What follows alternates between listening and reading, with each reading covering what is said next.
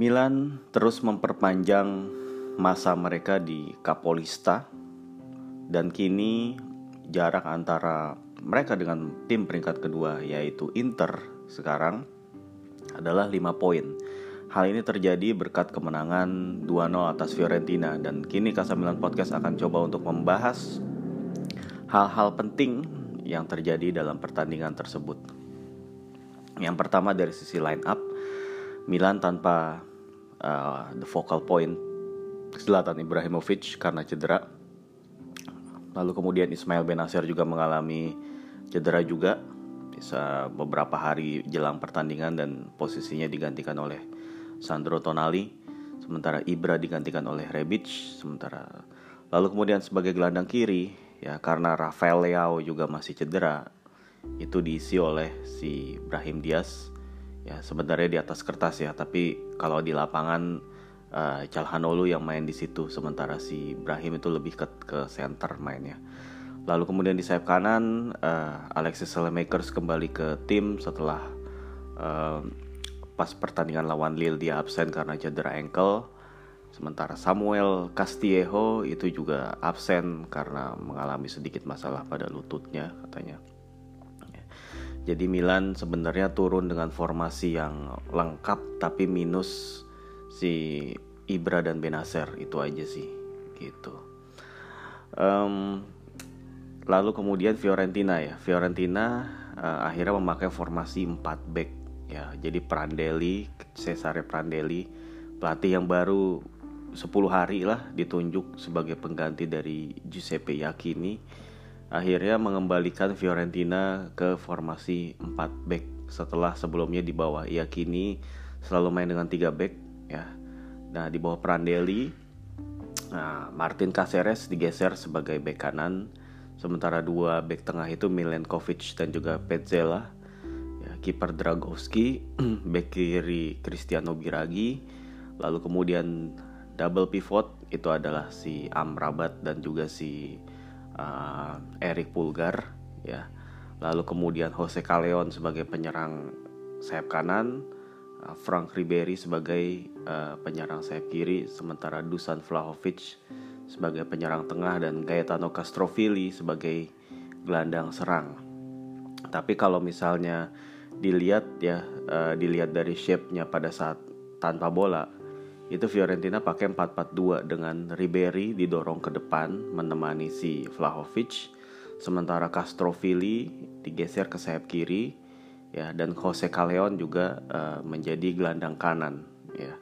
Tapi kalau misalnya mereka pegang bola mereka itu shape-nya 4-3-3 ya dengan Callejon dan uh, Ribery itu sebagai penyerang sayap sementara Castrovilli itu sebagai gelandang tengah. Dan si Amrabat dan si Pulgar itu sebagai dua double pivot lah gitu. Ya.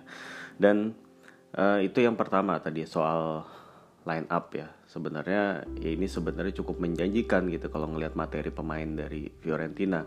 Ini adalah materi pemain yang sangat bisa untuk menyulitkan Milan gitu.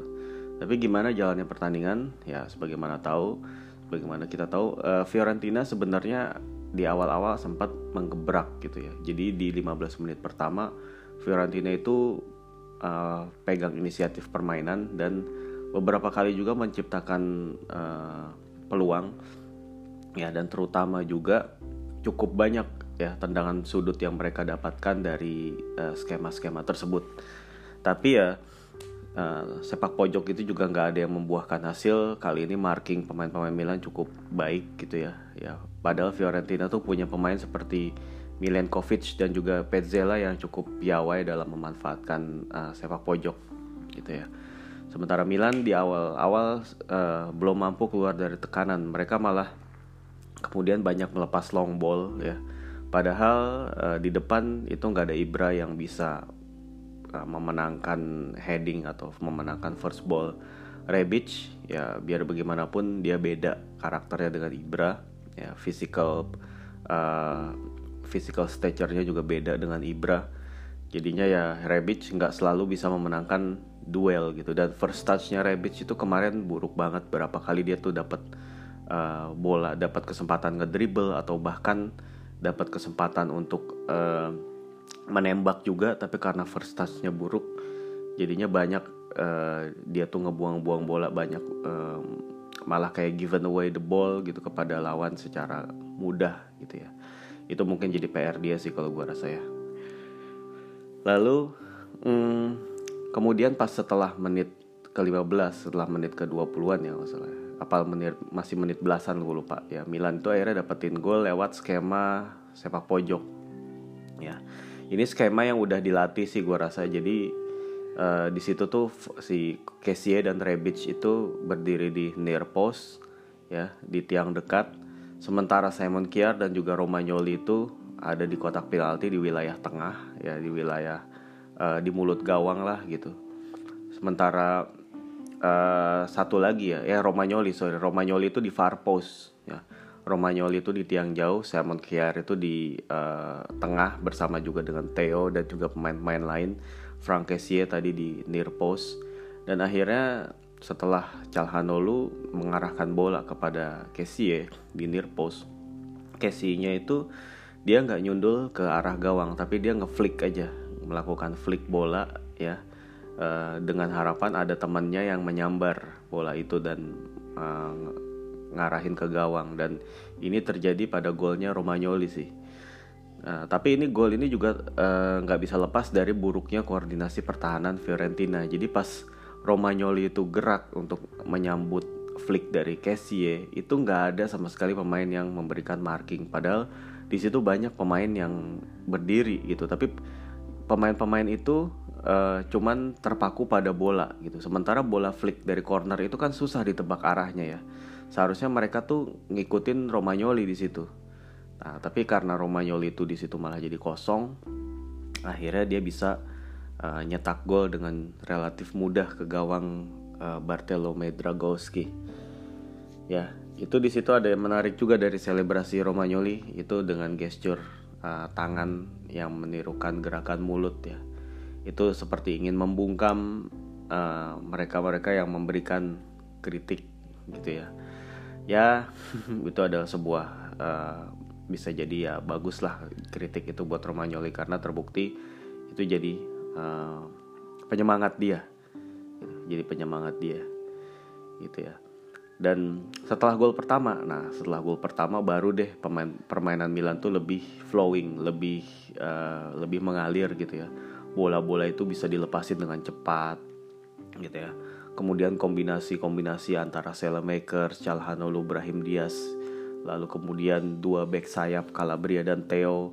Ya itu jalan banget. Ya dan juga Frank Kessie itu siap banget untuk menangin second atau third ball. Dan Tonali juga tampil lumayan dia dia udah mulai ngerti role-nya dia gitu. Menurut gue Tonali lumayan.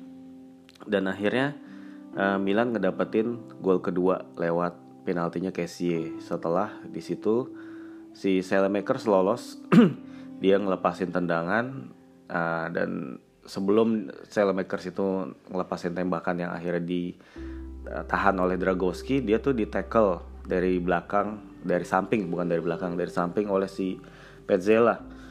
Yang akhirnya wasit menunjuk titik putih penalti. Nah untuk penalti pertama gue sih rada-rada ini sih uh, 50-50 sih gue ngerasa itu deserve atau enggak ya. Karena ya si tackle-nya si Petzela itu gak, emang nggak ngenain bola. Tapi tackle-nya itu gimana ya uh, bisa dibilang 50-50 tujuannya dia emang motong apa ngeblok ya ngeblok tendangannya si Selemakers gitu. Jadi kelihatannya sih tackle-nya si Petzela itu malah ngedorong kakinya si Selemakers untuk nendang bola gitu. Jadi dianggap oleh wasit adalah si tackle-nya Petzela itu mengenai kaki bukannya mengenai bola gitu ya.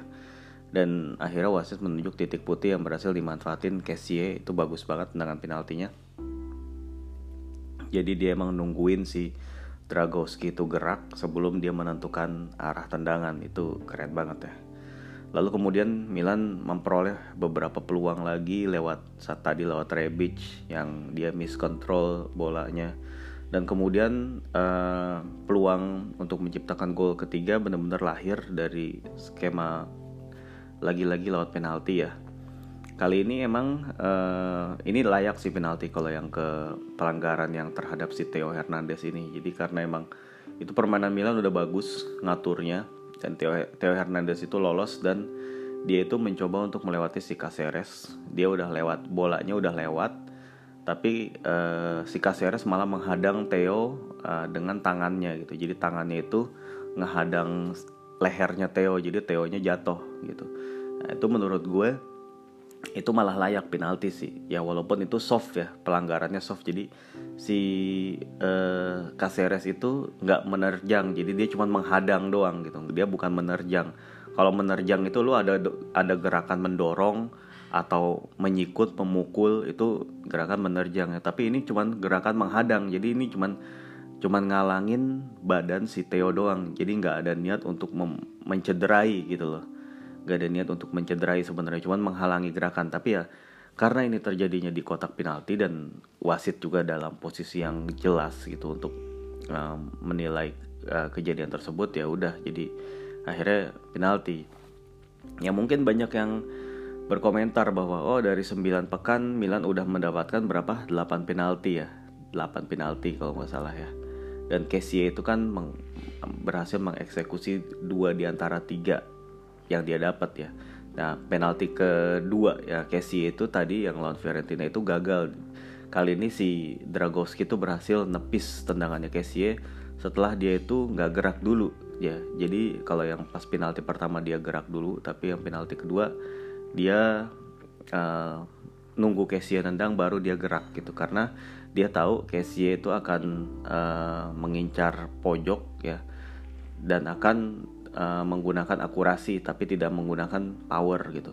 Nah kalau tendangannya itu menggunakan power atau tenaga, tentunya Dragowski itu bak nggak bakal bisa nepis. Tapi karena tendangannya Casey itu pelan, ya jadi walaupun arahnya ke pojok, ya Dragowski punya waktu untuk nepis bola gitu. Mungkin harusnya Casey itu nendangnya dengan power ya untuk menghadapi kiper-kiper kayak Dragowski gini, gitu sih. Ya, oke. Okay. Uh, eh, tadi balik lagi soal penalti menurut gue ya gue sih nggak akan masalahin atau gimana ya. Kayak wah ini diuntungin wasit banget nih 8 penalti dalam 9 game gitu. Loh tapi toh kalau emang ya, penalti ini jat apa uh, hadiah penalti ini bukan semata-mata hadiah gitu ya. Ya pemberian penalti itu bukan semata-mata hadiah. Sorry gue ralat tadi omongan gue. Tapi emang ya kalau emang eh, pemain-pemain Milan itu dapat banyak pelanggaran, banyak dilanggar di kotak penalti oleh lawan lah. Ya kenapa enggak gitu? Menurut gue ya ini ngelihat-lihat situasi lagi sih. Kalau emang masa kalau emang uh, pelanggarannya itu benar, maksudnya ya pantas dapat pelanggaran, masa iya nggak dikasih penalti gitu loh. Uh, maksudnya jangan sampai kita itu kayak terjebak dalam uh, apalah gitu dalam teori-teori yang nggak terlalu jelas uh, juntrongannya gitu yang bilang bahwa wah ini diuntungin atau segala macam. Yang menurut gue harus balikin ke konteksnya aja gitu balikin ke case by case gitu. Dilihat aja satu-satu itu hukuman penaltinya layak atau enggak gitu.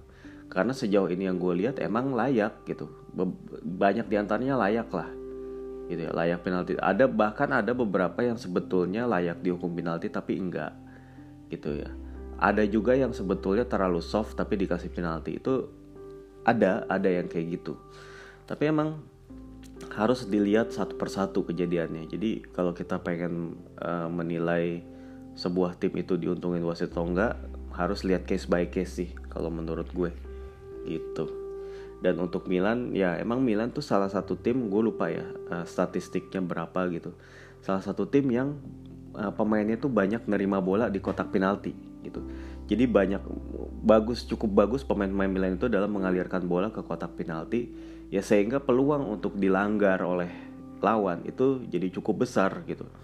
Ya itu sih menurut gue yang menjadi alasan ya kalau emang tim kalau emang tim sebuah tim itu jarang uh, memberikan bola ke kotak penalti kepada rekan-rekannya ya kayak misalnya cuman uh, kebanyakan uh, ngelepasin tendangan dari luar kotak gitu.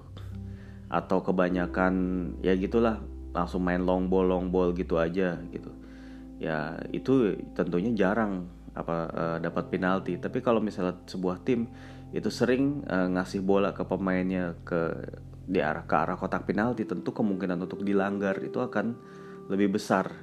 Gitu aja sih sebenarnya. Uh, touch ball atau sentuhan bola di kotak penalti itu uh, ada datanya. Gue gue untuk saat ini gue belum lihat ya siapa tim yang paling banyak menyentuh bola di kotak penalti. Ya tapi yang jelas gue rasa sih uh, kalau semakin banyak uh, tim itu menyentuh bola di kotak penalti itu semakin besar dia dapat penalti karena dilanggar. Hmm, gitu aja. Ya kalau menghubungkan dengan konteks permainan gitu loh. Nah itu tadi ya. Nah yang kedua eh sorry yang kedua selan poin selanjutnya adalah uh, Fiorentina ini emang tim yang masih banyak banget PR ya ya. Seperti yang Prandelli bilang di uh, eh, post match interview dia bilang bahwa um, sulit banget dalam 10 hari untuk mengubah segalanya gitu kalau kata Prandelli dia bilang ini tim ini kekurangan intensitas gitu dia bilang. Jadi pemain-pemain itu kayak nggak semangat untuk ngejar bola kayak gitu gitulah dan secara koordinasi juga Fiorentina itu cukup berantakan kalau gue lihat. Defensive coordinationnya juga buruk ya karena ya mungkin ini baru nyoba formasi 4 back juga banyak banget pemain-pemain Milan itu kemarin bisa lolos gitu ya bisa lolos uh, dapetin bola di kotak penalti. Ya dan markingnya ya markingnya juga masih belum bagus terbukti dari golnya uh, Romagnoli. Mereka baru bisa membaik di babak kedua setelah banyak numpuk pemain di kotak penalti. Jadi ya pemain-pemain itu ya kayak Caceres dan Biragi sebagai fullback itu juga banyak uh, bermain lebih deep sehingga uh, itu membuat pemain-pemain Milan itu kehabisan ruang di kotak penalti lawan. Gitu. Begitu juga dengan Amrabat dan Pulgar yang begitu siap untuk uh, mengintercept dan memenangkan second ball gitu. Itu baru kelihatan sedikit permainan mereka itu cukup rapi di babak kedua. Ya. Dan permainan Fiorentina juga masih heavily uh, reliant on Frank Ribery. Jadi sangat tergantung dari kreativitas dan juga skill dari uh, Ribery. Ya di mana serangan-serangan Fiorentina emang terlalu Ribery sentris terlalu banyak uh, mengandalkan ya tadi uh, dari tempatnya Ribery. Sehingga ya Milan si siapa Bonera dalam hal ini mengantisipasi dengan uh, menempatkan Saelemaekers itu uh, naik turun ya. Jadi dia banyak ngebantu banyak ngebantu sehingga bisa menangin bola. Ya dan Cal Calhanoglu juga sesekali ditempatin di situ supaya uh, overload ya. Jadi Ribery itu kan dia biasanya uh, kerjasamanya dengan si Biragi, Bekiri dan juga Castrovilli yang ada di situ. Nah di situ uh, si Bonera itu nempatin Calabria, Calhanoglu dan juga Selemakers ya juga Tonali kadang-kadang di situ. Supaya menang jumlah dan akhirnya cara-cara itu cukup berhasil menurut gue. Sementara serangan Fiorentina dari uh, sayap kanan atau dari tengah itu masih minim. Jadi belum belum ada tusukan-tusukan yang berarti dari wilayah-wilayah tersebut kalau gue lihat sih ya. Uh, Lalu kemudian itu dari sisi Fiorentinanya ya. Jadi emang Milan benar-benar memanfaatkan ini sekalipun tanpa skuad terbaik ya, tapi karena Fiorentinanya juga bermain kurang baik ya. Terbukti dari expected goalsnya Fiorentina itu 0, sekian ya 0,86 kalau nggak salah. Sementara expected goalsnya Milan itu 2, sekian, 2,3 apa 2, berapa lah, gue lupa. Nah yang jelas sebenarnya Milan ya catatan terakhir adalah dengan expected goal setinggi itu ya terus ya gue juga nonton pertandingannya gue ngeliat sendiri betapa sebetulnya Milan itu bisa harusnya tuh bisa uh, mengakhiri perlawanan Fiorentina ini lebih cepat gitu jadi uh, setelah gol kedua nya Kessie ya terus dapat penalti kedua itu harusnya kalau penaltinya masuk harusnya Fiorentina tuh udah tamat perlawanannya di situ gitu nah di awal babak kedua juga Milan masih terus mencoba dan akhirnya uh, mendapatkan peluang bagus lewat tendangan Calhanoglu yang sayangnya kena tiang gitu ya. Nah itu kalau peluang-peluang tersebut itu masuk ya, misal misalnya satu penalti itu masuk atau dan salah satu peluang dari baik yang didapat oleh Calhanoglu, Selemakers itu masuk, harusnya Milan itu bisa bikin 3 atau 4 gol ya ke gawang Fiorentina. Dan kalau itu terjadi ya itu udah tamat perlawanan dari La Viola gitu. Cuman sayangnya emang Milan gak bisa mewujudkan itu. Karena ya yaitu tadi kurangnya ketajaman aja gitu. Tapi emang dalam hal ini Bonera juga udah memberikan penjelasan ya di uh, apa saat dia di wawancarai di akhir pertandingan dia bilang ada momen di mana lo melakukan melepaskan dua tendangan dan dua-duanya itu masuk gitu. Tapi ada juga momen lo mencoba uh, banyak melakukan tembakan tapi nggak ada yang masuk sama sekali dan malam ini katanya dalam pertandingan ini Calhanoglu udah berusaha keras ya dan tendangannya kena tiang. Lalu kemudian tapi di luar dari gol dia adalah pemain yang penting yang kontribusinya sangat besar ya. Uh, apa namanya dengan kerja kerasnya dia dengan keberadaannya dia di uh, banyak posisi itu sangat membantu. Jadi emang pemain itu bukan cuma dinilai dari uh, banyaknya golnya aja gitu. Dan dalam hal ini gue setuju dengan Bonera ya bahwa Calhanoglu kemarin udah jauh membaik sih dari pertandingan-pertandingan sebelumnya kayak waktu lawan Verona, kayak waktu lawan Udinese, lawan Roma. Ya menurut gue Calhanoglu udah cukup membaik ya. Ini tinggal dia bikin satu gol aja gitu. By the way Calhanoglu itu belum bikin gol di Serie A musim ini. Dia tuh uh, bikin go bikin 4 gol, udah bikin 4 gol tapi semuanya di ajang Europa League ya. Nah, di Serie A ini Hakan belum bikin gol ya. Dia baru bikin uh, beberapa assist lah gitu. Cuma menurut gue kalau misalnya Hakan itu bisa bisa bikin satu gol setidaknya. Nah, menurut gue gol-gol berikutnya tuh akan datang gitu. Karena ya itu emang tadi yang Bonera bilang tuh masuk akal. Emang ada apa ada kalanya pemain-pemain itu bisa mencetak gol dengan mudah. Jadi dia nendang biar bagaimanapun caranya dia akan gol. Nendang dari mana aja bisa gol gitu. Tapi ada juga periode di mana lu nendang dari mana aja nggak gol gitu. Nah itu emang momen-momen kadang-kadang ada momen-momen yang sial gitu ya. Cuman pemain-pemain yang superstar aja yang kayaknya nggak menemui momen-momen pacek klik gol kayak gitu gitu ya. Pemain kayak Cristiano kayak Messi gitu kan. Itu jarang-jarang itu nemuin pacek klik gol atau kayak Erling Haaland gitu. Itu jarang pacek klik gol karena mereka kayaknya udah udah punya apa ya ya gimana ya di kakinya tuh kayak udah punya mata gitu untuk bisa ngarahin bola ke gawang gitu ya. Seolah-olah kayak gitu. Uh, gua rasa sih itu aja sih ya yang mau gue sampein ya beberapa hal penting ya. Dan di pertandingan berikutnya Milan akan ketemu dengan Celtic di ajang Europa League. Dan sebagaimana uh, lu mungkin udah ada yang udah tahu ada yang belum ya bahwa pelatih Celtic yaitu Neil Lennon baru aja dipecat ya dipecat kemarin dan Celtic akan mengumumkan pelatih baru. Nah biasanya lagi-lagi gue bilang tim dengan pelatih baru itu pasti punya motivasi uh, tambahan gitu.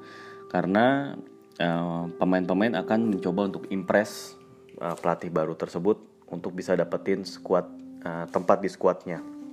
Dan motivasi-motivasi seperti inilah yang akan berbahaya ya bagi Milan. Itu dari sisi mentalitas. Tapi kalau dari sisi taktikal atau dari sisi teknikal Milan harusnya diuntungkan karena dengan adanya pelatih e, baru tentunya harus ada bisa jadi skema baru, ide-ide baru yang mana itu belum bisa diimplementasi dalam waktu cepat gitu. Ini sama seperti case-nya Fiorentina sih kemarin gitu.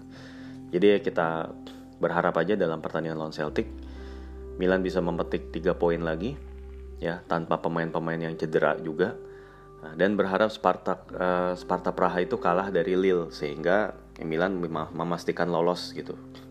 Udah memastikan lolos duluan. Jadi nggak peduli lah gue Milan itu juara grup atau enggak yang penting dengan bisa mastiin lolos paling nggak Milan bisa jadi bisa ngelepas di game terakhir gitu lawan Sparta nanti. Jadi Milan bisa nurunin pemain-pemain cadangan dan mengistirahatkan sebanyak mungkin pemain inti. Jadi ya tenaga atau konsentrasi itu bisa di full balik lagi ke Serie A gitu loh. Ya dan mengenai Europa League gue bilang ya gue sih uh, apa ya gue nggak ngerasa emang penting untuk ngejuarai turnamen ini gitu karena fokusnya tetap harus di Serie tapi uh, buat gue sih selama Milan itu masih bisa menang ya masih bisa ngejaga intensitas gitu ya dan punya kesempatan untuk uh, memenangkan pertandingan ya kenapa enggak gitu ya. Kenapa enggak untuk melaju sejauh mungkin? Karena uh, berprestasi di ajang Europa League menurut gue juga bukan hal yang jelek gitu. Ya di Europa League juga ada duitnya. Ya walaupun nggak sebanyak UCL walaupun duitnya paling cuma 20 juta euro kalau bisa bisa sampai final. Tapi pasti ya itu kan duit prize money ya satu hal ya. Tapi duit dari hak siar itu pasti akan bertambah pemasukan bertambah. Dan yang penting tuh exposure gue bilang. Kalau misalnya di ajang uh, antar klub Eropa itu melaju dengan jauh itu exposure yang penting. Jadi ya tim ini akan makin dikenal ya. Dan juga ya pastinya akan ya dampaknya pasti baik lah gitu ya. Cuman emang masalahnya jangan sampai uh, fokus di Europa League itu sampai mengorbankan seri A. Itu sih yang gue juga nggak setuju. Jadi kalau apa nih ininya ya uh, apa namanya indikatornya jadi gini indikator yang menurut gue kalau pemain-pemain itu udah banyak yang cedera atau keletihan ya udah jangan dipaksain mendingan mainin pemain-pemain yang lebih bugar. Itu tapi pemain tapi bukan pemain inti. Ya terus go for it gitu coba memenangkan pertandingan dengan pemain-pemain uh, yang bukan pemain inti tersebut gitu loh. Menurut gue itu aja. Maksudnya jangan terlalu maksain juga nurunin pemain inti di setiap pertandingan sehingga uh, risiko kelelahan dan cedera itu jadi makin tinggi ya itu sih maksud gue gitu. Jadi ya tapi ya selama misalnya ada kesempatan untuk memenangkan ya why not? Kenapa nggak diambil gitu. Itu adalah sikap yang baik gitu. Itu adalah sikap yang menghargai pertandingan menurut gue. Dengan mencoba untuk memenangkannya dan memainkannya seserius mungkin. Itu adalah sikap sportsman uh, sportsmanship yang sangat bagus gitu. Dan juga ya balik lagi ini akan menjadikan exposure yang menjadi bertambah bagi Milan gitu. Oke? okay? Uh, ya udah uh, gua rasa itu aja dan next matchnya Serie A itu akan menghadapi Sampdoria ya di pekan depan gitu dan gue mungkin nggak uh, akan bikin preview tapi bikin review aja nanti Oke, uh, sampai ketemu lagi dalam episode selanjutnya di Kasamilan Podcast. Ya, sampai jumpa lagi.